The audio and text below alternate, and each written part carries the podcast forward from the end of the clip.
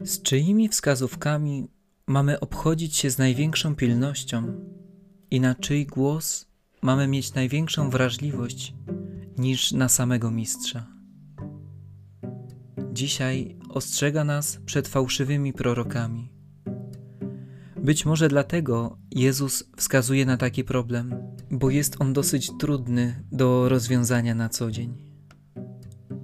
Na pewno nie jest obca nikomu sytuacja, w której naszą dezorientację wywoływał rozdźwięk, jakiś brak spójności między tym, co dana osoba mówiła, co myślała, a tym, co robiła. Ostatecznym kryterium okazuje się czyn. Widząc czyjeś postępowanie, mamy jasność co do nastawienia i intencji danej osoby. Słowa na niewiele się zdają i pozostają tylko słowami, choć nieraz to one są źródłem jakichś zmian, na lepsze lub na gorsze.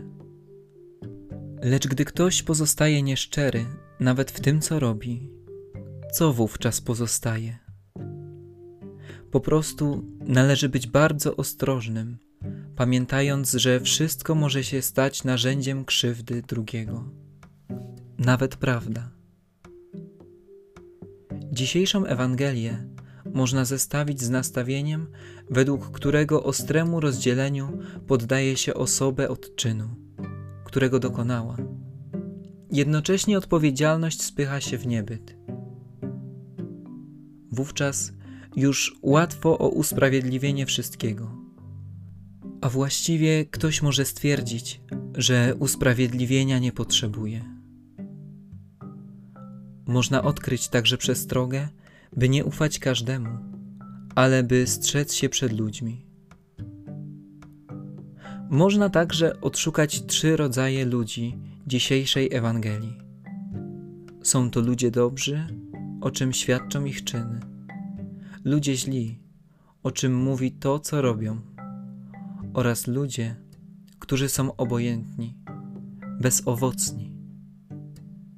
W Apokalipsie znajdziemy nawiązanie o podobnym pouczeniu. Obyś był zimny albo gorący. A tak, skoro jesteś letni i ani gorący, ani zimny, chcę cię wyrzucić z mych ust.